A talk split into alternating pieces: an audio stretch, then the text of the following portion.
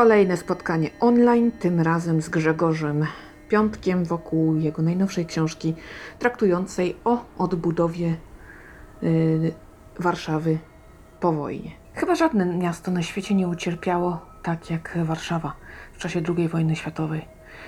E, Właściwie można rzec, że w większości została zrównana z ziemią Mm, i robiła potworne wrażenie. Oczywiście część zniszczono podczas mm, kampanii wrześniowej, kiedy trwało oblężenie stolicy. Część e, podczas powstania w getcie i jego likwidacji, ale najwięcej podczas powstania warszawskiego oraz e, e, już później, kiedy regularnie Niemcy miasto niszczyli. Najmniej ucierpiała jednak Praga, tam mm, zachowało się całkiem sporo zabudowy. No i tam też w 1944 wszystko się lokowało i powoli y, szykowało się do startu.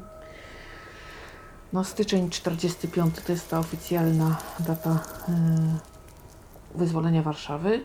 Mm, I tak naprawdę było co robić. Było co robić. Trzeba było y, stolicę odbudować. Ciągnęły z powrotem rzesze ludzi.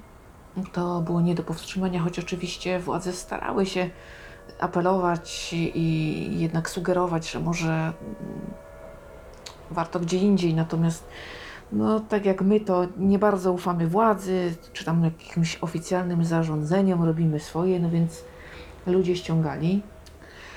W książce możemy przeczytać dużo ciekawych rzeczy. Jak brzmiała taka Warszawa, jak pachniała, jaka była, taka pełna gruzów, jeszcze nie odbudowana.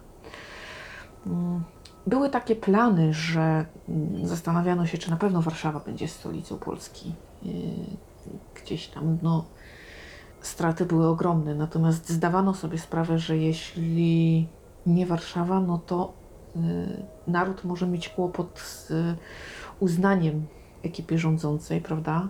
Zwłaszcza, że mocarstwa y, też uznawały y, rząd w Londynie za prawowity rząd y, polski, więc tutaj jakby zastanawiano się, ale jednak y, ja wiem, czy był wybór.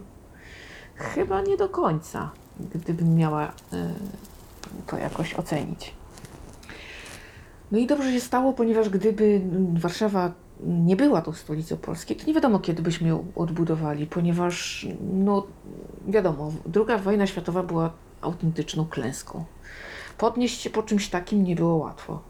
No więc taki ogrom zniszczeń gdzieś tam by może powoli ciłano, ale tak naprawdę zawsze byłyby ważniejsze rzeczy na teraz. A tak, y, skoro Warszawa, skoro miejsce reprezentacyjne, no to trzeba się za, za nie wziąć od razu. No tak też było, powstało Biuro Odbudowy Stolicy. Oni robili naprawdę trudną robotę. Y, Nie dość, że y, świetna sprawa, ponieważ dali pracę no, wielu osobom, a w, w tamtych czasach no to wiadomo jak było. Y, Każda praca na wagę złota, Mm, więc zatrudniali naprawdę sporo osób. Część y, siedziała przy biurkach, część w terenie, chodziła, oglądała te gruzy, dokładnie je opisywała. No i potem na tej podstawie jeszcze y, biurkowcy tam swoje rysowali i dodawali. E, Fajne było to, że oni mm, tworząc plan odbudowy Warszawy, no to brali y, pod uwagę globalnie całe miasto, jak ono całości, w całości będzie wyglądało, jak będzie się, y, y, jaka będzie jego funkcjonalność.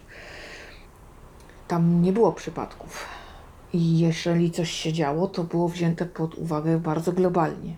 Mm, No zupełnie inaczej niż teraz. Zarzuca się dziś stolicy, że jest taka chaotyczna, w ogóle bez sensu rozplanowana. No ale tak, dzisiaj wyrywkowo się tam zarządza. Jest dużo terenów takich prywatnych, więc no jest taka dość spora samowolka i mm, no w planach y, Biura Odbudowy Stolicy coś podobnego nie mogłoby mieć miejsca, bo oni planowali każdy budynek y, komponując go w całość, czy on nie zaburzy funkcjonalności właśnie. No i to tak, to tak, a teraz nie, teraz to tak wykorzystuje się każdy y, wolne miejsce. Zadbano y, właśnie też o mm, takie ciągi powietrzne, które y, powodowały, że uli- ulice warszawskie nie były już takie trudne w dni ciepłe, ponieważ Warszawa przedwojenna, jak wiemy, gdy nastawał letni czas, ciężko było wytrzymać w mieście. Y, Wielu, jak tylko mogło, to uciekało y, z miasta. Y, No, dziś już jest lepiej. No i są takie miejsca, choć niestety przez obecną politykę troszeczkę też tam mm, tych zaburzeń powstało, mm, ale te rozwiązania często no, nie były takie e, głupie. E, natomiast e, odbudowa e, Nowego Światu na przykład okazuje się, że to, co my bierzemy za zabytek, e, jest tak naprawdę taką wizją trochę życzeniową, jak to mogło wyglądać e, architektów. Mm, Dużo odniesień do XIX wieku. Y, Nie odtwarzano tak idealnie i dokładnie. I o ile fronton faktycznie mm, tego nowego świata jest taką próbą odtworzenia tego, co było, no to już tam z tyłu to już jest takie nowoczesne założenia osiedlowe. Bo wiadomo, ludzi było trzeba gdzieś osiedlać. Trzeba było też myśleć, żeby było sporo zieleni. No i to wszystko oczywiście planować. E, Jak oceniano pracę tych ludzi? Ano różnie i często hejtowano, ponieważ mm, jak ludzie napływali do Warszawy, y, to oczywiście zajmowali na pałę, jak tam y, co kto wolnego znalazł. Y, W ich myśleniu najprościej było odbudowywać to, co tam było. Mm, No a na przykład mm, tutaj architekci mieli inne pomysły, musieli sobie z tym radzić. Ludzie nie zawsze byli z tego zadowoleni. E, Też padło pytanie o to, czy prawdą jest, że wywożono budulec z innych miast, e, żeby odbudować Warszawę. No tak, gdzieś faktycznie. Natomiast no, trzeba wziąć pod uwagę, że to nawet nie było o tyle złośliwe, o tyle co nie było skąd brać. Bo owszem, wykorzystywano też e, trochę to, co było, to, co tam się dało wykorzystać z tych zburzonych budynków, nawet gruz wykorzystywano w jakichś tam celach, żeby, żeby też gdzieś tam, no bo co z nim robić. Więc starano się też jakoś go ogarnąć, albo było go multimoc ale nie było fabryk y, tak od razu, które na taką skalę wytworzyłyby surowiec. A że właśnie napływ do Warszawy był taki nieokiełznany, nie, no i trzeba było temu zaradzić, trzeba było coś jednak mm, ruszać się z pracami, bo mm, przecież y, no trudno, żeby ludzie na ulicy mieszkali i w ogóle no tak naprawdę trzeba było wychodzić na przeciw potrzebom, to skąd to wziąć? Więc trzeba było wziąć sk- skądś, gdzie to jest powiedzmy trochę mniej potrzebne, prawda? No taka była potrzeba chwili i chyba nie dało się inaczej. Dziś możemy sobie na to sarkać, ale mm, gdybyśmy mieli, byli na miejscu tych ludzi, pewnie postąpilibyśmy podobnie, no bo z pustego i Salomon nie naleje. Zanim po takim, e, po takim potwornym czasie ruszy gospodarka, no to trochę minie, bo, no bo świat się musi pozbierać. Nie dość, że z gruzów, nie dość, że strat w ludziach, też och, to jest po prostu na lata, na lata pracy i faktycznie mm, wiele wspomnień yy, powojnia mówi o latach kilku niesamowitej biedy. No więc przełożyło się to pewnie na każdą dziedzinę. Czy książka Grzegorza Piątka, Najlepsze miasto świata, Warszawa w odbudowie 1944-1949 powinien zawierać słowo odbudowa w jakimkolwiek y, miejscu?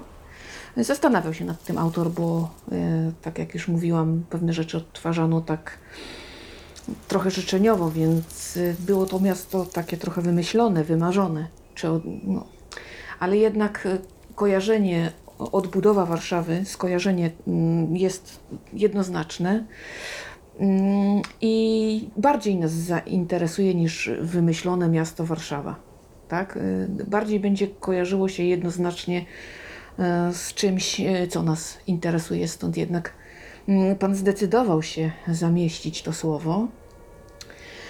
E, Książka zawiera mnóstwo takich ciekawostek. Na jednej stronie potrafi być naprawdę ogrom e, zajmujących informacji.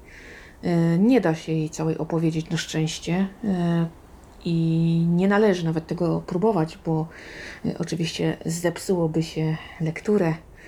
Mm, Nie wolno spoilerować książek, no co zrobić, a jeśli już to robimy, to ostrzegać i wtedy osoba czytająca recenzję bądź słuchająca podcastu twierdzi, nie, nie, nie, to ja tutaj podziękuję, stop.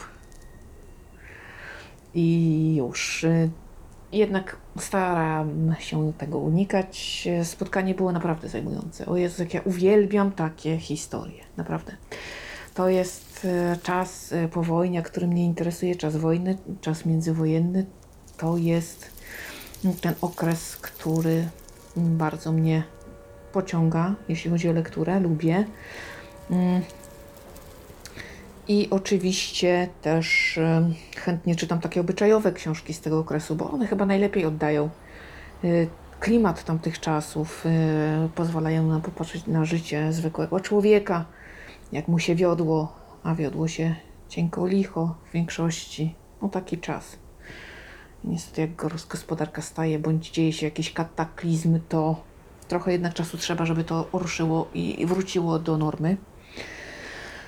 Więc na pewno ciekawy czas, ale i Pan naprawdę dużo, yy, dużo zajmujących mm, rzeczy tutaj przedstawiał i tak naprawdę nie potrzebował prowadzącego. On byłby w stanie sam mm, sobie tutaj wykład przeprowadzić i byłoby to po prostu genialne.